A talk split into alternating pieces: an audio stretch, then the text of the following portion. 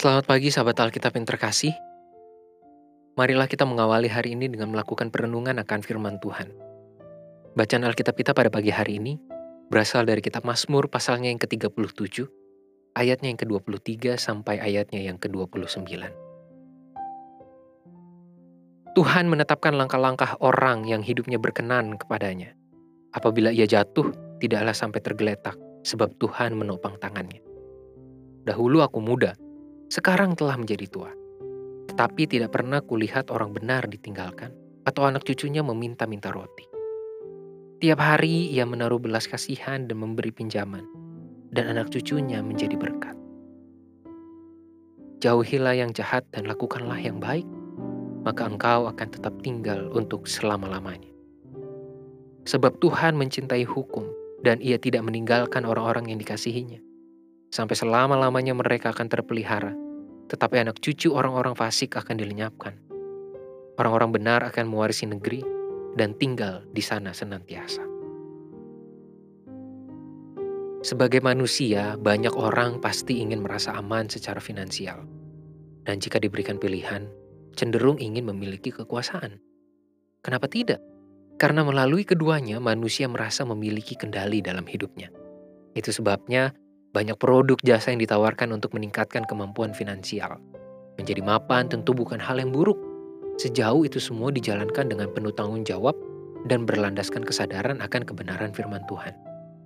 Sebagai umat percaya, kita juga perlu mengingat bahwa kehadiran kita di dunia ini dan iman yang kita miliki sekarang tidak semestinya menjadikan kita sebagai manusia yang egois serta hanya memperhatikan diri sendiri. Terdapat tanggung jawab sosial yang terintegrasi berkat penyertaan Tuhan.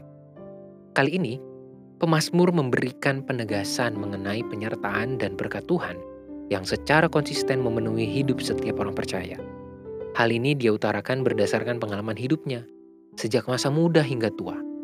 Bagi pemazmur, bukti penyertaan dan kasih Tuhan dalam hidup setiap orang percaya bukan persoalan menjadi kaya secara materi ataupun berkelimpahan kekuasaan, melainkan ketika mereka mampu menunjukkan belas kasihan dan kepedulian kepada orang lain. Itulah sebabnya ia berkata, Dahulu aku muda, sekarang telah menjadi tua. Tetapi tidak pernah kulihat orang benar ditinggalkan. Tiap hari ia menaruh belas kasihan dan memberi pinjaman, dan anak cucunya menjadi berkat.